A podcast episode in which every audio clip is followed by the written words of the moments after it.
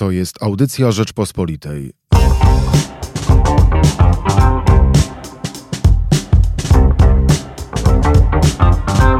Wywiad z prezesem.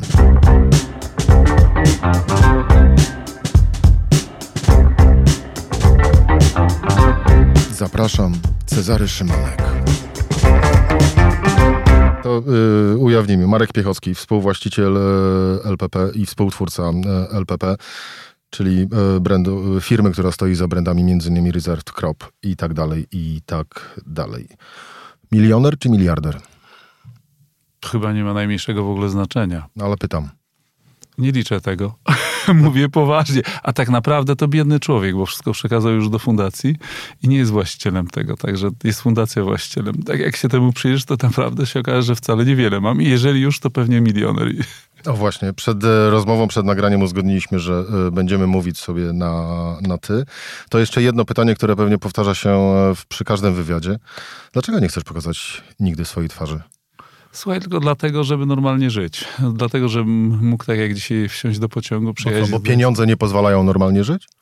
To nie same pieniądze, ale obecność wizerunku w mediach powoduje to, że każdy cię rozpoznaje bardzo łatwo. Jak jesteś, nie wiem, czy w środkach komunikacji miejskiej, czy idziesz sobie, siedzisz gdziekolwiek w restauracji, no i później wszyscy cię nagle obserwują, pokazują palcem, jakoś tak czujesz się bardziej śledzony. Nie mów, że, nie mów, że jeździsz środkami komunikacji miejskiej. No bezwzględnie. Co więcej ci powiem, jeżdżę Uberem. A to y, z oszczędności czy z przyzwyczajenia?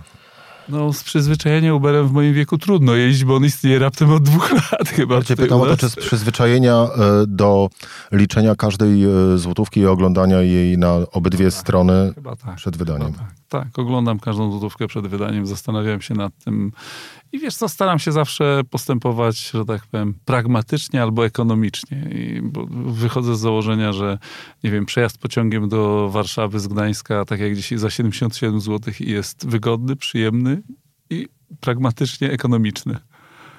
Czy wobec swoich pracowników też masz takie podejście? Płacąc wszyscy, im. Słuchaj, no, słuchaj, nie, nie. To jest tak, że e, jeśli chodzi o wynagrodzenia, to tak naprawdę m, uważam, że to jest podstawa, którą muszę dawać ludziom, żeby czuli się spokojnie i bezpiecznie, jeśli chodzi o utrzymanie swoich rodzin, o to, żeby nie musieli myśleć albo kombinować, jak znaleźć lepszą robotę gdzieś na zewnątrz. Czyli Jaka jest średnia, średnia płaca w LPP?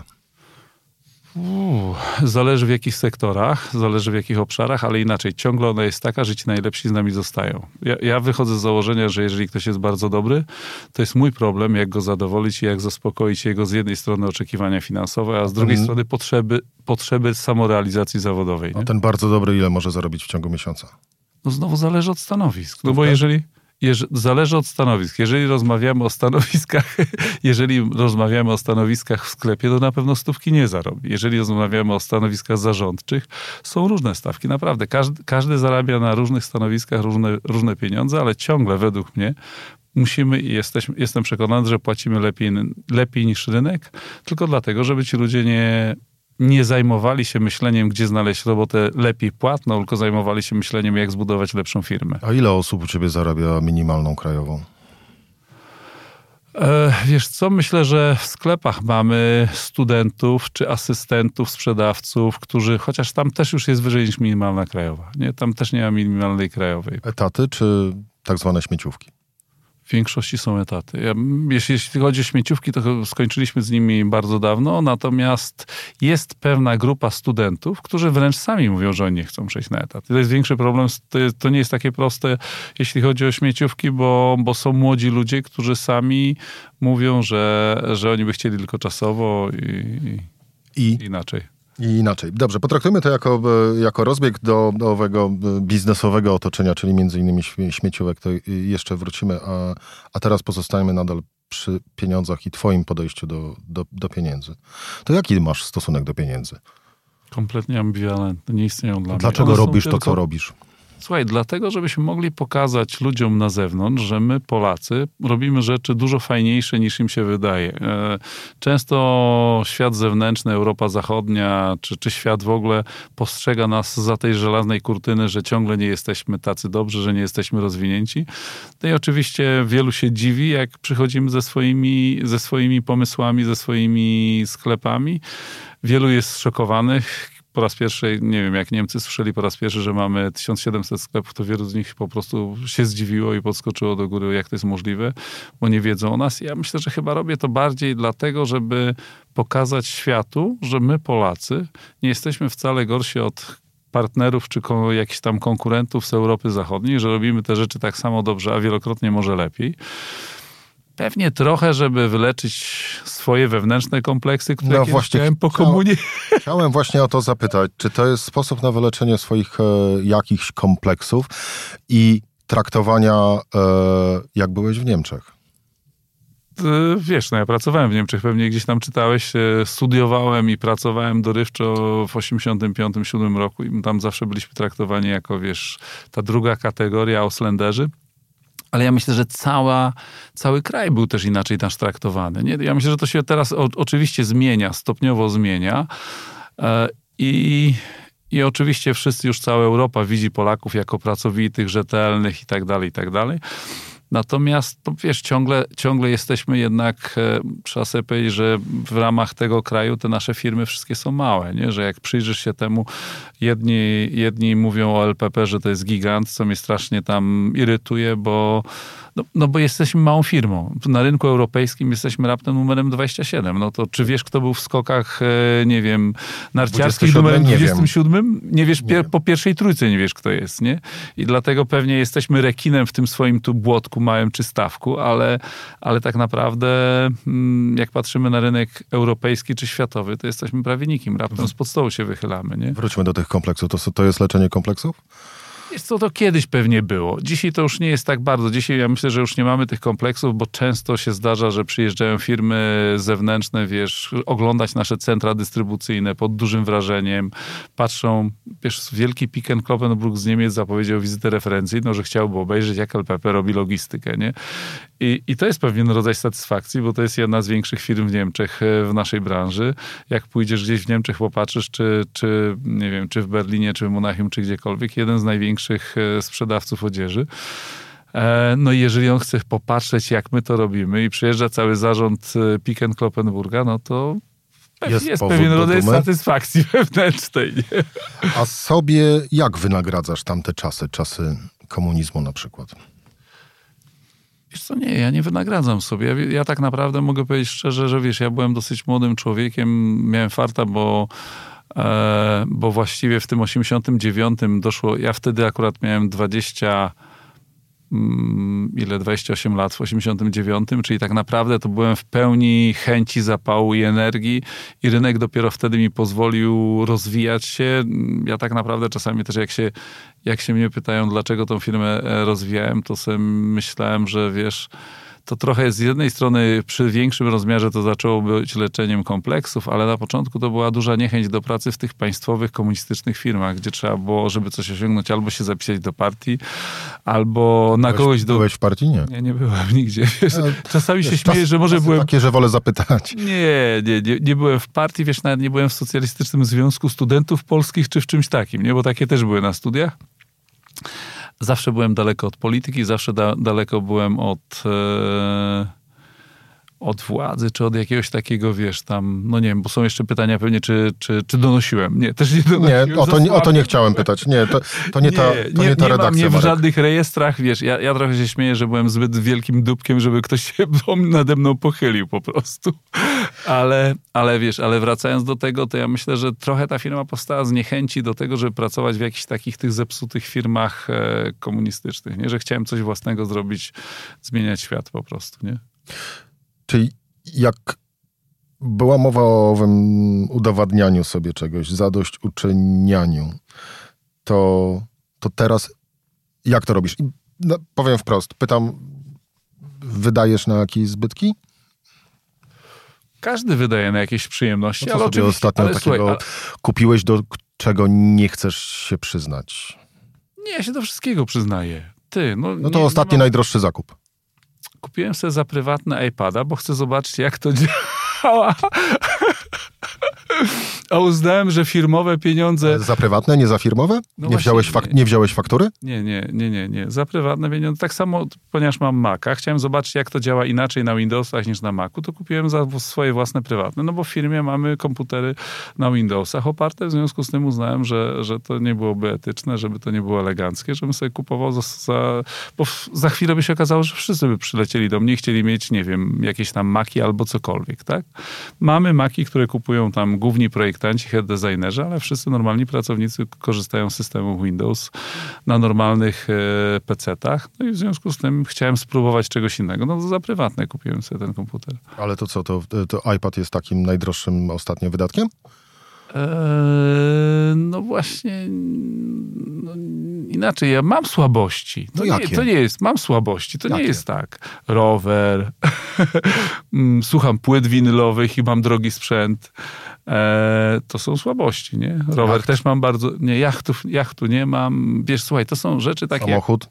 Samochód mam służbowy, ale samochód mam służbowy, natomiast ja ci coś powiem, nie, nie otaczam się rzeczami luksusowymi, bo uważam, że to jest budowanie barier z ludźmi, ze społeczeństwem. Im bardziej luksusową rzecz sobie kupisz, nie wiem, wyobraź sobie, że kupiłbym sobie Bentleya.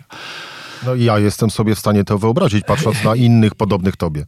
Ja wiem, ale wiesz co, nawet ci powiem inaczej. Mam taki samochód, który się bardzo podoba. Mm, Nazywa się... Co? Jeździsz?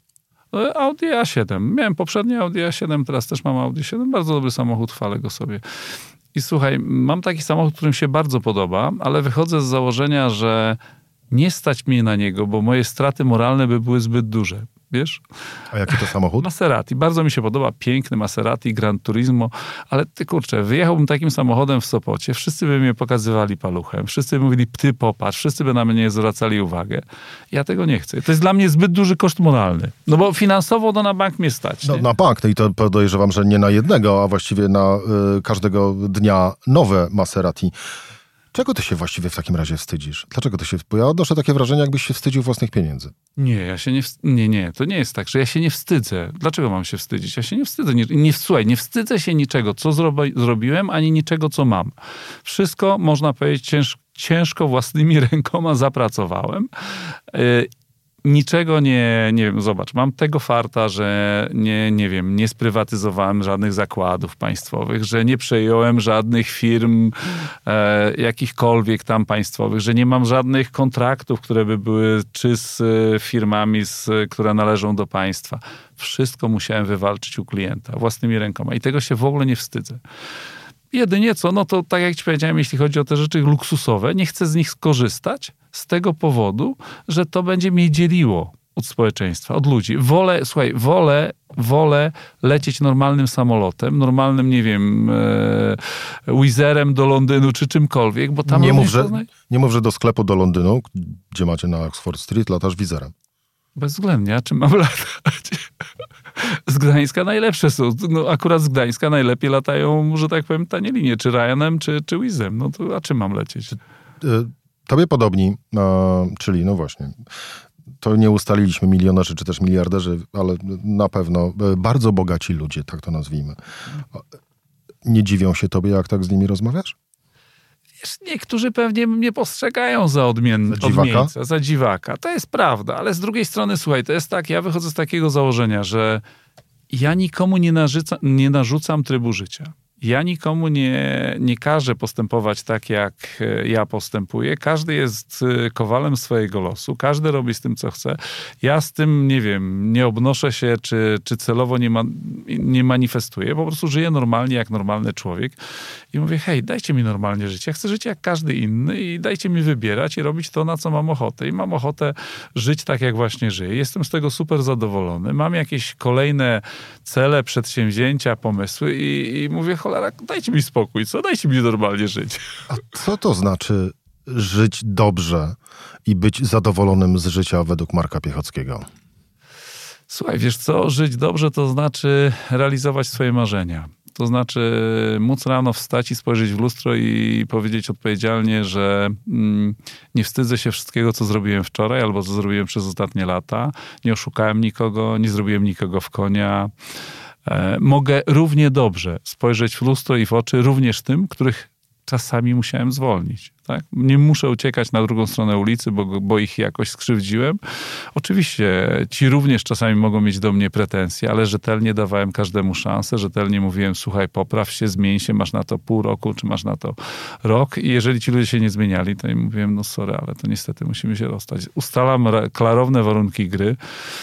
No i to chyba, to chyba powoduje, że wtedy możesz spokojnie spać, że możesz się spokojnie, to ja to nazywam spokojnie rano przy goleniu, spojrzeć w lustro, nie? że nie masz wyrzutu sumienia, że nie musisz przed nikim uciekać. I, i jeżeli do, na dodatek robisz to, co lubisz, bo to wiesz, powtarzam wszystkim, ja mam raz w miesiącu spotkanie z nowymi ludźmi, którzy przychodzą do pracy w czasie tego spotkania zawsze na koniec i opowiadam im o firmie, o kulturze, wiesz, takie proste rzeczy, żeby nie oszukiwali, żeby się zachowywali fair, bo oni czasami są, nie wiem, młodzi ludzie są kupcami i on jedzie do dostawcy, ma do wydania 5 milionów dolarów, no mógłby go traktować trochę z góry, z buta. Ja mówię, słuchajcie, tak, nie wolno, trzeba się zachować fair wobec wszystkich, zachowujcie się wobec innych tak, jak chcecie, żeby się wobec was zachowywali ktokolwiek inny z zewnątrz. Słuchają się? Tak. Wiesz co, ja wychodzę z założenia tak, że ponieważ w centrali samej pracuje 2800 osób, za wszystkich nie dam sobie uciąć ręki, ale z drugiej strony mogę sobie powiedzieć tak, że moim i każdemu wtedy mówię, słuchaj, jeżeli poczujesz, że ktoś w firmie wobec ciebie zachowuje się inaczej, jest mój mail, jest mój telefon, każdy może do mnie napisać, mamy komisję etyki niezależnie, która tego typu skargi mogłaby wysłuchiwać i wtedy oni wiedzą, wszyscy w koło wiedzą, że taka jest kultura tej firmy. Ja... co, innego, co innego twoje słowa, a co innego ich wykonanie. Zdarzały się takie przypadki?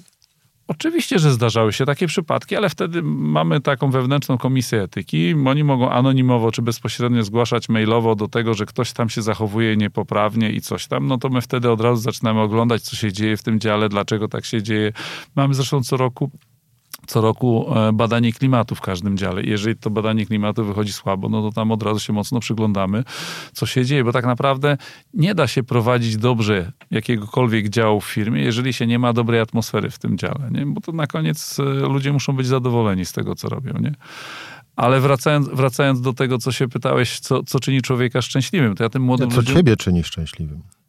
Wiesz co, ale mnie i człowieka również. Jeżeli ludzie robią rzeczy, z których, które im sprawiają radość. I, ja nawet jak ci młodzi ludzie przychodzą do nas do pracy i mówię, słuchajcie, kochani, to jest tak, że pamiętajcie, ja to powtarzam tak samo moim dzieciom, powtarzam wam, że musicie robić to, co lubicie.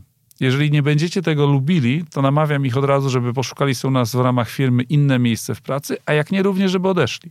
Bo szybko się ktoś zorientuje, że oni źle wykonują tą pracę, są sfrustrowani i ta spirala się nakręca i albo ich szef ich wywali, albo oni sami rzucą tymi kwitami i będzie kiepsko. Także częścią naszego zadowolenia życiowego jest robienie rzeczy, które robimy. Robienie, realizowanie swoich pasji. I, no i wiesz, ja robię faktycznie chyba rzeczy, które lubię i dlatego jestem szczęśliwym człowiekiem, nie?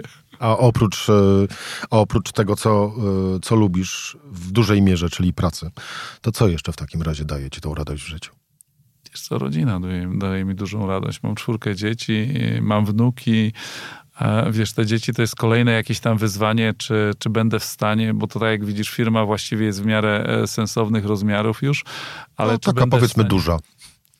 Wiesz co, na, na, na, warunki polskie może tak, ale z drugiej strony, jak spojrzysz na, na skalę europejską, to tak naprawdę gdzieś... Nie uciekajmy od tego, e, od wątku rodziny, do, do, do biznesu wrócimy. Tak, tak. Nie, no, ale wiesz, dla mnie kolejnym wyzwaniem jest to, żeby powiedzieć tak, że, że ten cały kapitał, który przekazałem do fundacji, że dzieci będą dalej te dobra rozwijały, że, że one będą w różnych obszarach się realizowały. Oczywiście one same chcą to robić, bo, bo mam takie, które się deklarują, że chcą, mam takie, które się jeszcze nie zdeklarowały, bo na sam koniec muszą być szczęśliwe. Mówisz, e, ma, masz czwórkę dzieci, tak. E, to ile się zdeklarowała, ile nie? E, dwójka się zdeklarowała, córka nadal się uczy i jest jeszcze jeden młodzieniec, który też się uczy, także oni tam, wiesz, no są na jakiejś tam drodze drodze rozwoju, no ale oni na początek, ci najmłodsi muszą, wiesz, u nas jest coś takiego, że jeżeli ktoś chce w, z rodziny pracować w firmie, to musi najpierw trzy lata przepracować w firmie zewnętrznej, gdzie jego nazwisko niewiele znaczy, po to, żeby udowodnić światu, że on w ogóle się nadaje do, do naszej firmy. A myślałem, że od razu zostaje jednym z dyrektorów bądź też prezesów.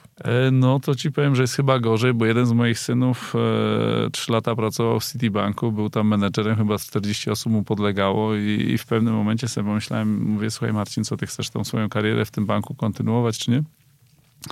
No i on mówi, że, że, że właściwie no, różne opcje rozważa. Ja mówię, słuchaj, a co myślisz o tym, żeby właściwie przyjść do, do LPP i, i spróbować swoich sił z, z odzieżą? No, mówię, o, dobry pomysł. Ja mówię, no ale czy masz świadomość, że to znaczy, że, że zaczniesz od asystenta, że będziesz asystentem kupca, że później będziesz sprzedawcą w sklepie, później będziesz rósł, rósł, jak urośniesz, to, to zobaczymy, co będzie dalej, że jakieś ryzyko. Przyszedł? Przyszedł, przyszedł. przyszedł Urósł? Przyszedł. To wiesz, na razie rośnie.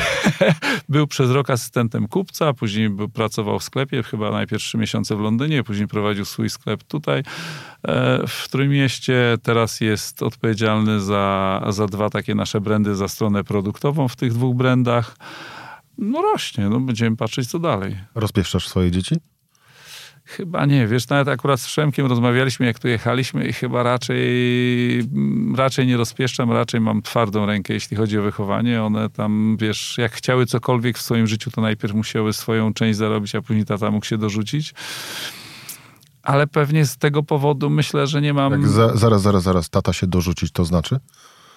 No jak chciały sobie kupić, chciały samochód sobie na osiemnastkę kupić, no to nie ma problemu. To miały dużo lepiej ich, niż ich rówieśnicy, bo jak położyli, nie wiem, dwa koła, to ja drugie dwa koła położyłem i dlatego Nie mogłeś, musieli sobie... nie mogłeś dać po prostu czterech koła?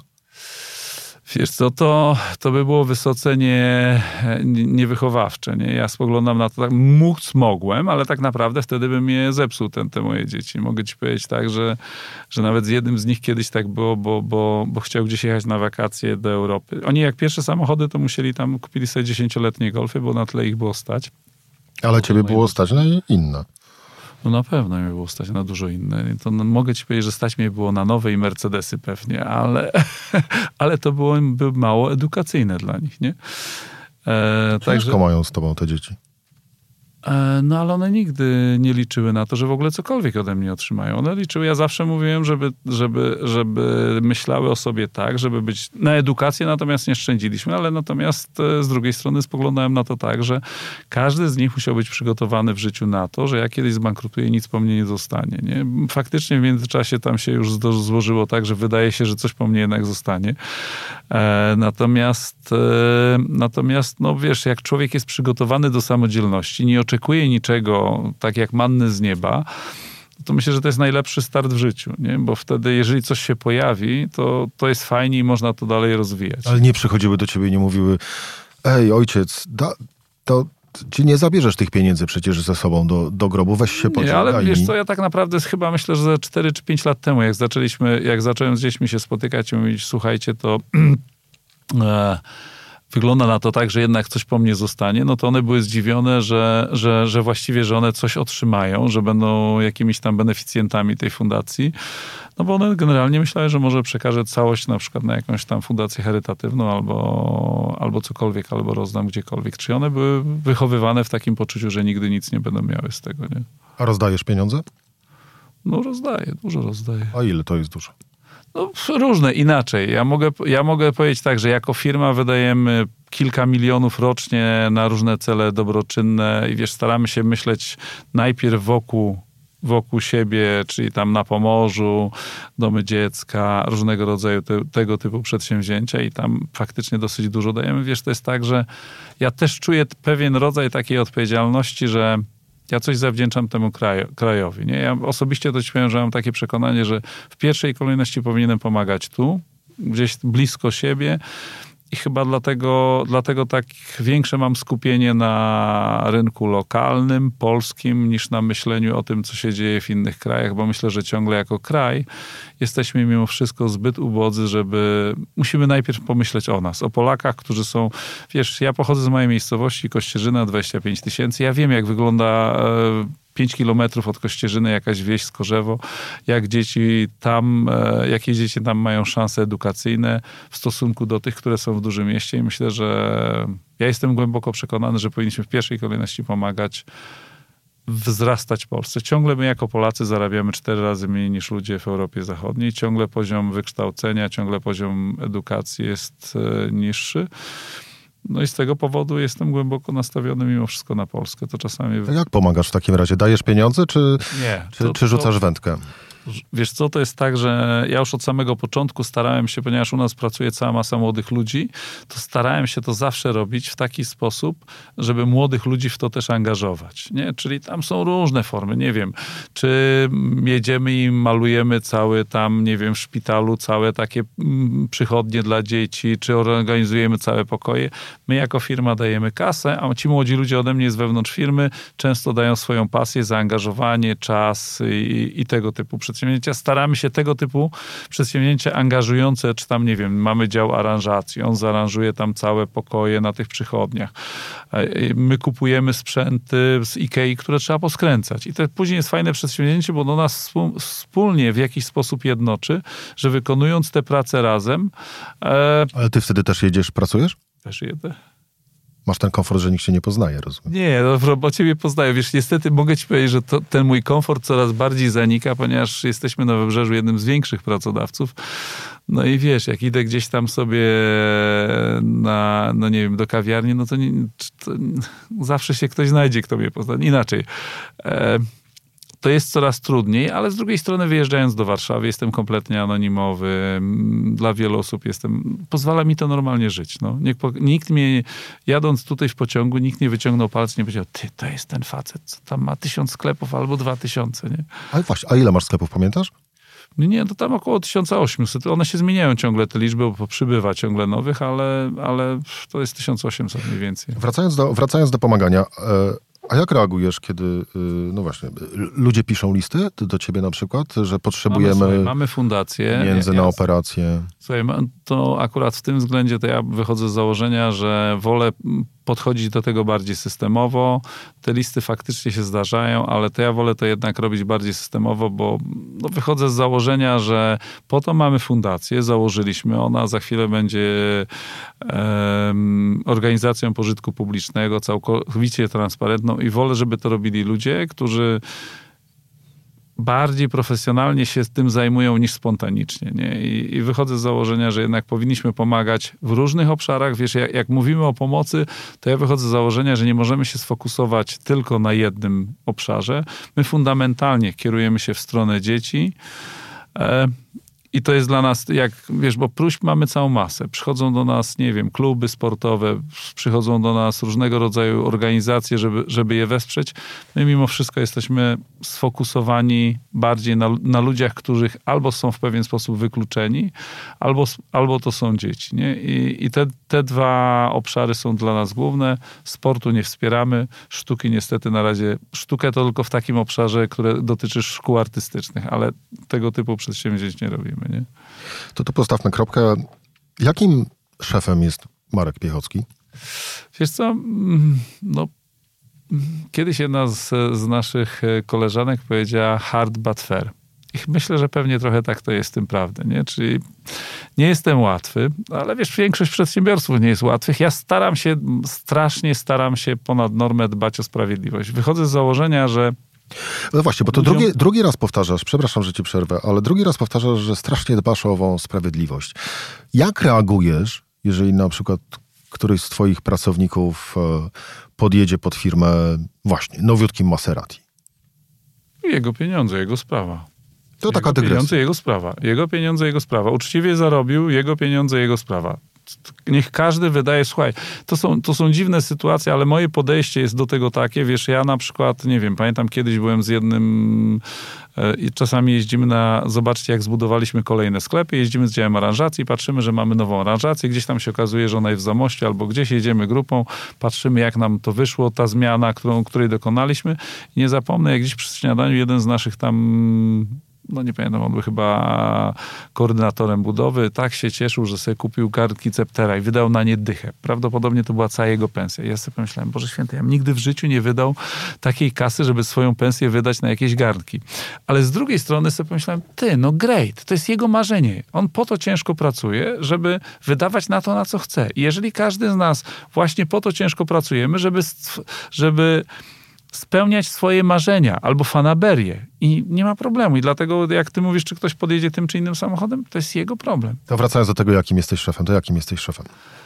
Tak jak ci mówię, sprawiedliwość dla mnie jest rzeczą taką nadrzędną. Po to, żeby wszyscy się czuli, oczywiście tego się nie da e, zapewnić stuprocentowo, ale takie fair traktowanie wszystkich równo, według mnie jest nadrzędną rzeczą, jeśli chodzi o nawet dobre poczucie w firmie. Nawet o taki jak gdyby... Mm, wiesz, to nawet jest źródło konfliktów społecznych, brak poczucia sprawiedliwości. I, i myślę, że to samo się przenosi na, na grunt firmy, że każdy jest w stanie wytrzymać albo trudniejsze, albo łatwiejsze warunki wtedy, kiedy będzie czuł, że reszta jest też na tej, samej łodzi, na tej samej łodzi płynie. To dlatego pewnie siedzę z wszystkimi na dużej sali. Nie mam gabinetu, nie mam palmy, nie mam... A nie masz przypadkiem ksywy w firmie Sknerus? Wiesz co, to jest trudne do powiedzenia, bo jak sobie pomyślisz, że e, w tej chwili budujemy centrum dystrybucyjne za 860 milionów. Wydaliśmy 196 milionów na budowę kolejnego centrum dystrybucyjnego. Projekt RFID, który teraz oglądaliśmy, kosztuje nas w ciągu dwóch lat 60 milionów euro.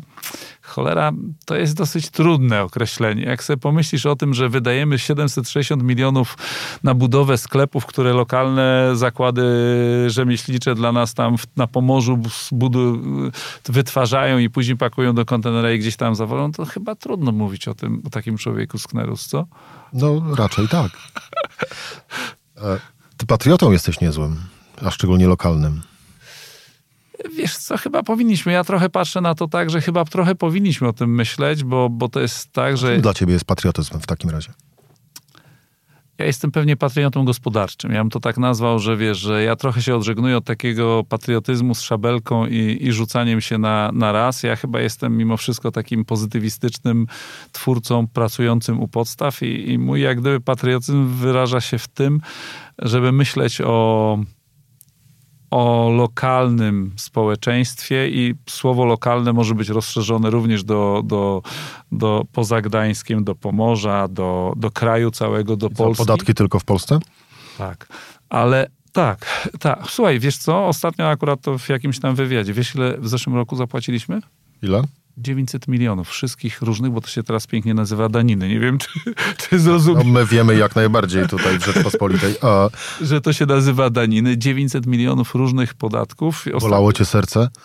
Wiesz co, ja powiem tak, to są, to są zobowiązania, które są, są po prostu, no takie są, żyję w tym kraju. Z drugiej strony sobie myślę, że nawet marszałek województwa mnie zaprosił i mówi tak, tak, my tu wiemy, że, że bo tam chciałem mu podziękować, bo dostaliśmy nagrodę Sukces Narodowy i sobie zacząłem myśleć, a kto nas wy, wytypował do tej nagrody Sukces Narodowy do prezydenta, przy prezydent nie tak, że mu to wpadło bez niczego i się okazało, że marszałek województwa nas wytypował do tego, no to na, podziękowałem mu za to, on mnie zaprosił do siebie i mówi, że no wie pan tutaj, ale my widzimy, że jesteście największym podatnikiem tam w gronie trzech największych i ciągle się mieszacie, to sobie pomyślałem, no to sprawdzę dokładnie jak to jest, bo nie zwracałem na to uwagi.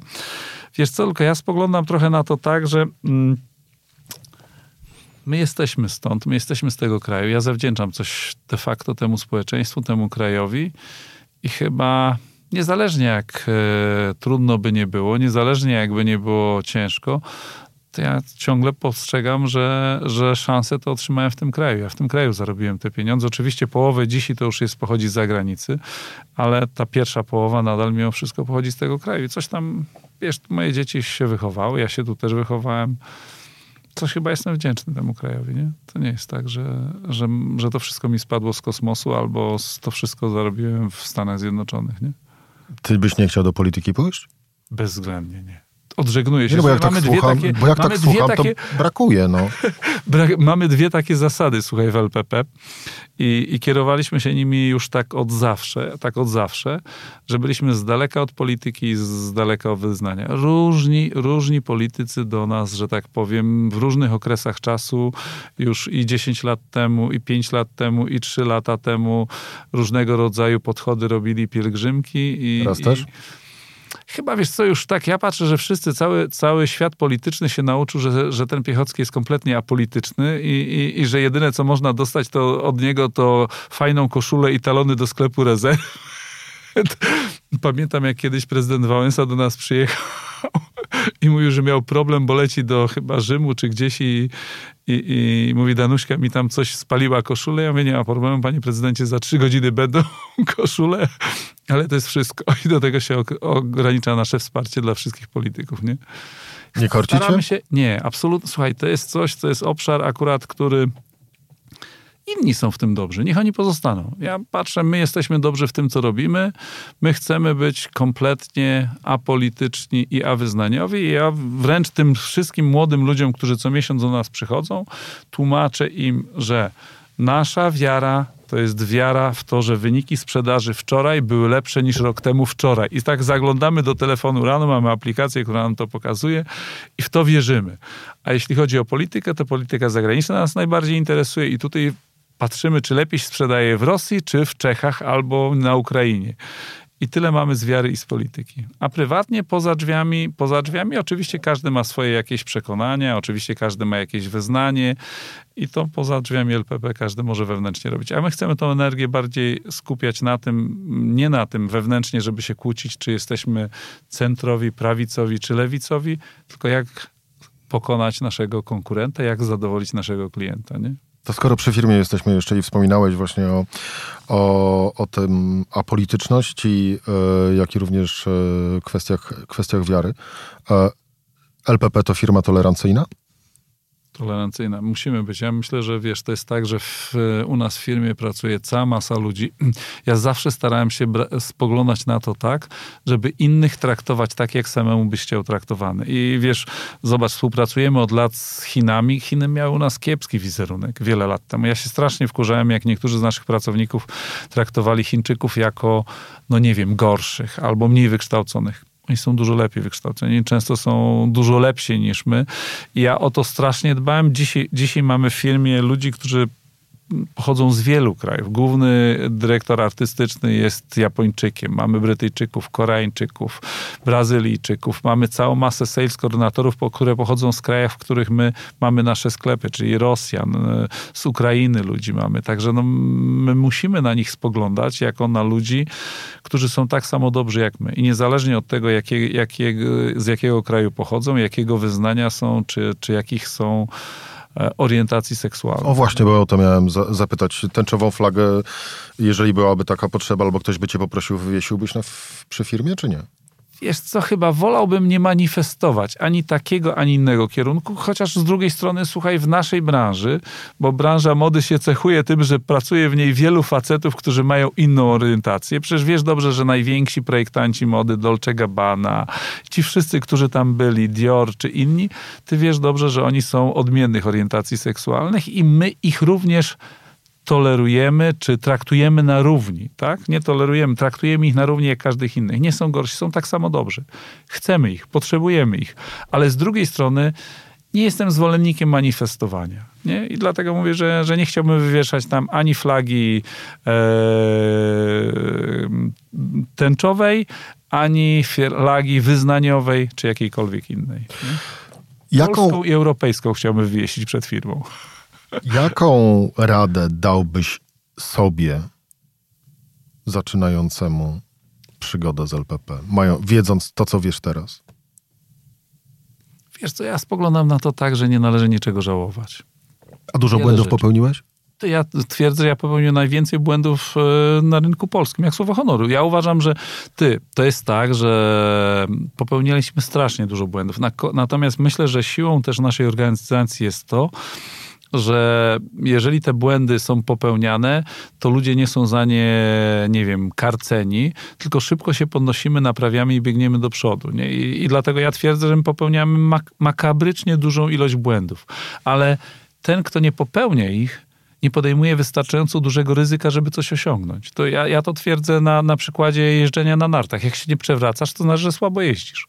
Musisz właśnie się przewracać, żeby pokonywać kolejne bariery, żeby wznosić się wyżej. A to skoro przy błędach jesteśmy, kto jest dla ciebie takim e, zewnętrznym sumieniem? Kto cię stawia do pionu? Kto mówi, że ty, Marek, e, zatrzymaj się chwilę, albo tu zrobiłeś coś źle?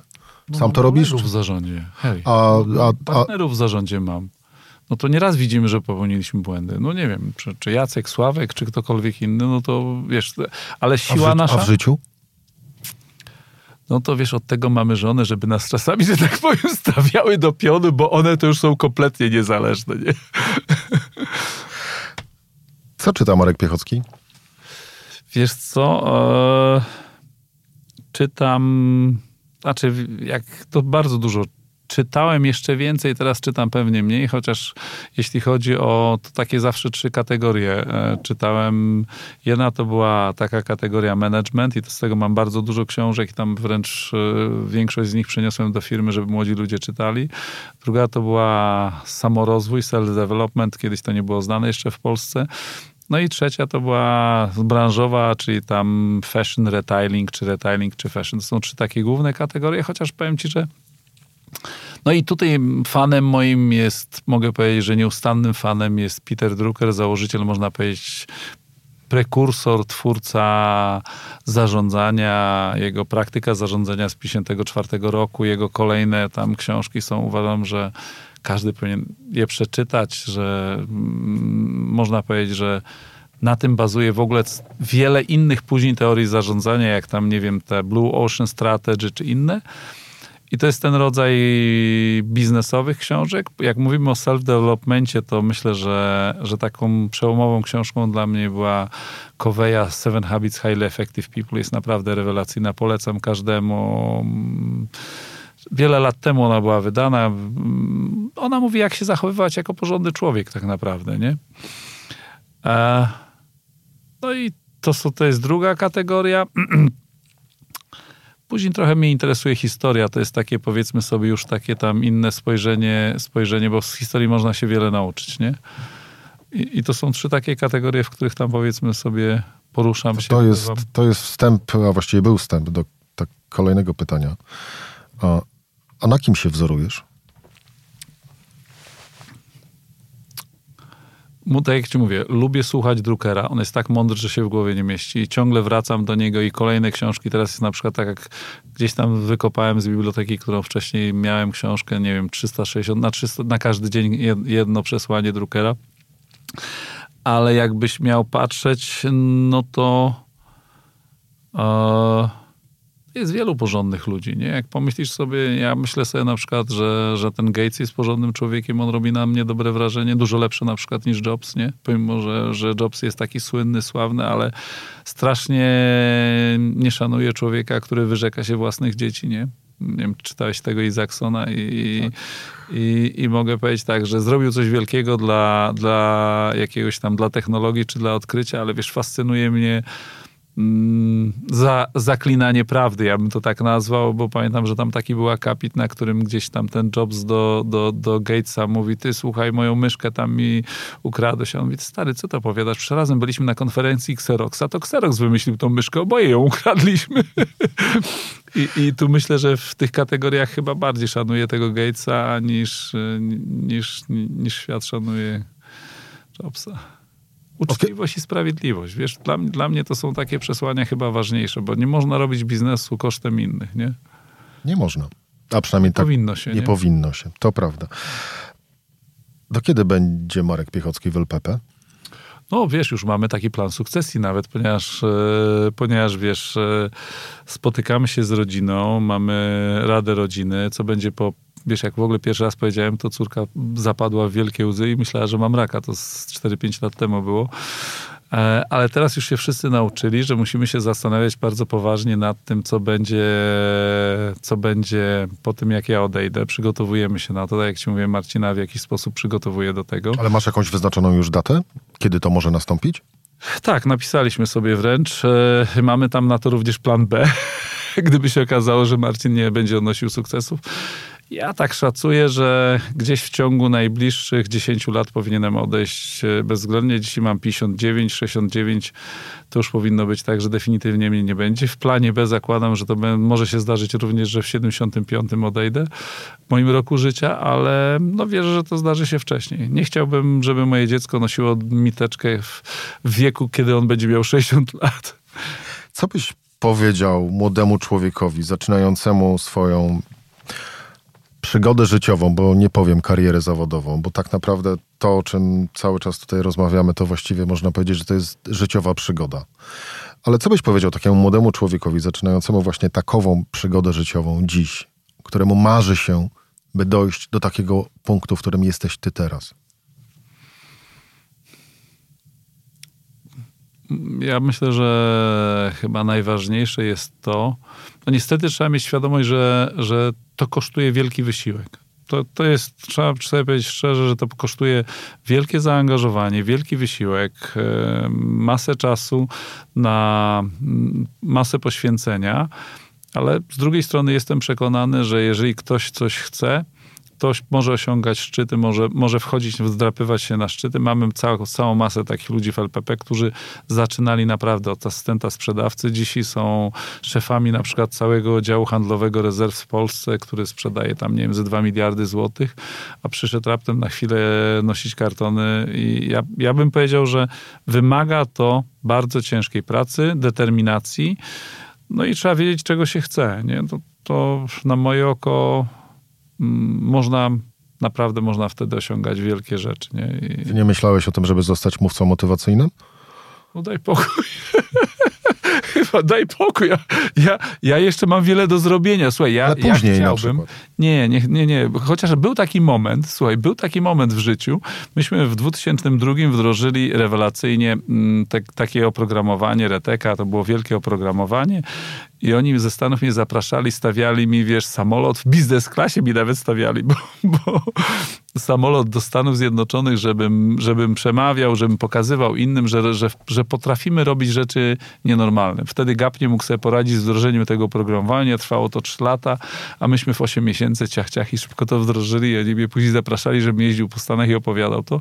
Nie, słuchaj, ja czuję, że, czuję, że mamy, mam jeszcze wiele więcej rzeczy do zrobienia w gospodarce. Czuję, że LPP jest ciągle jeszcze małą firmą. Ja chciałbym, żeby moje dzieci kiedyś w przyszłości po mnie prowadziły nasze rodzinne interesy, bo to nie jest tylko LPP, ale również to jest nasze, są nasze inwestycje w hotele, które Piotr tam w jakiś sposób nadzoruje, żeby one rozwijały ten biznes rodzinny jeszcze lepiej niż ja, żeby go nie, nie w jakiś sposób nie, nie, nie pomniejszyły, ale żeby go no rozwinęły. I to byłoby moje marzenie, mogę ci powiedzieć. No i to nie jest w ogóle takie proste, nie? To, to mimo wszystko nie jest takie proste. Chciałbym, żeby oni, dlatego ta nasza fundacja się nazywa Semper Simul, czyli zawsze razem. Chcę, żeby, żeby jak najdłużej byli razem, żeby ten kapitał nie był podzielony, żeby oni razem budowali dużą polską firmę rodzinną. Nie? Takich firm rodzinnych w Niemczech jest cała masa. My w Polsce, ja jestem pierwszym pokoleniem, który to coś takiego ma szansę zbudować, bo za komuny te firmy mogły być tylko małe i, i chyba by było fajnie, gdybyśmy mieli coś takiego, co, co jest wizytówką na świecie polskiej firmy rodzinnej. Nie? No. Marek Piechocki, współtwórca i współwłaściciel LPP. Dziękuję bardzo. Dziękuję serdecznie. To była audycja Rzeczpospolitej. Wywiad z prezesem.